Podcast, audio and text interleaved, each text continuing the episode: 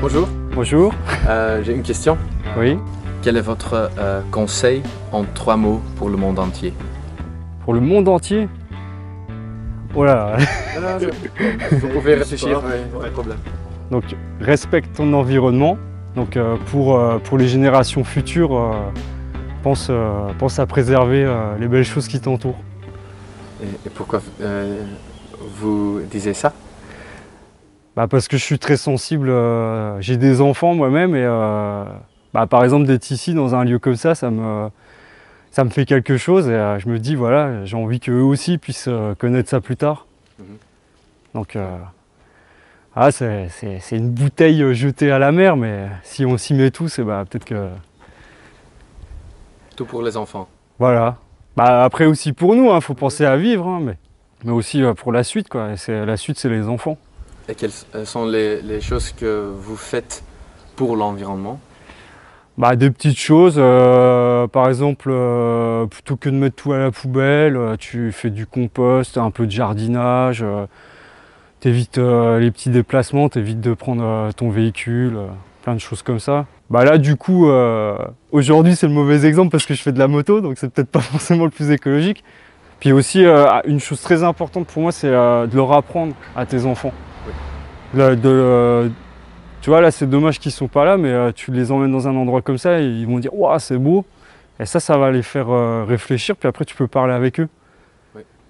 Et, euh, bah, éviter tout ce qui est. euh, voilà, quand on est un peu trop égoïste et puis qu'on commence à, à vouloir une multitude de choses et puis qu'au final, tu te rends compte que ça te sert à rien. Quoi. Au, au final, tu te dis même que tu es, emprisonné dans un, un fonctionnement alors que ça pourrait être beaucoup plus simple. Qu'est-ce que vous disiez contre les gens qui sont plus égoïstes? Bah que je leur jette pas non plus la pierre, qu'à un moment donné dans ma vie euh, j'ai pu être comme ça, mais qu'après euh, c'est surtout quand j'ai eu mes enfants je me suis rendu compte que euh, on a une communauté quoi. Mhm. Au début tu l'acceptes pas forcément, mais après tu te rends compte à quel point c'est important. Et euh, bah c'est, euh, je sais pas si vous avez des enfants, mais euh, je pense que dès que vous en aurez ça va vous faire pareil. Qui est-ce que vous choisirez pour son conseil en trois mots? Donc c'est, vous pouvez choisir euh, Barack Obama ou votre voisin. D'accord.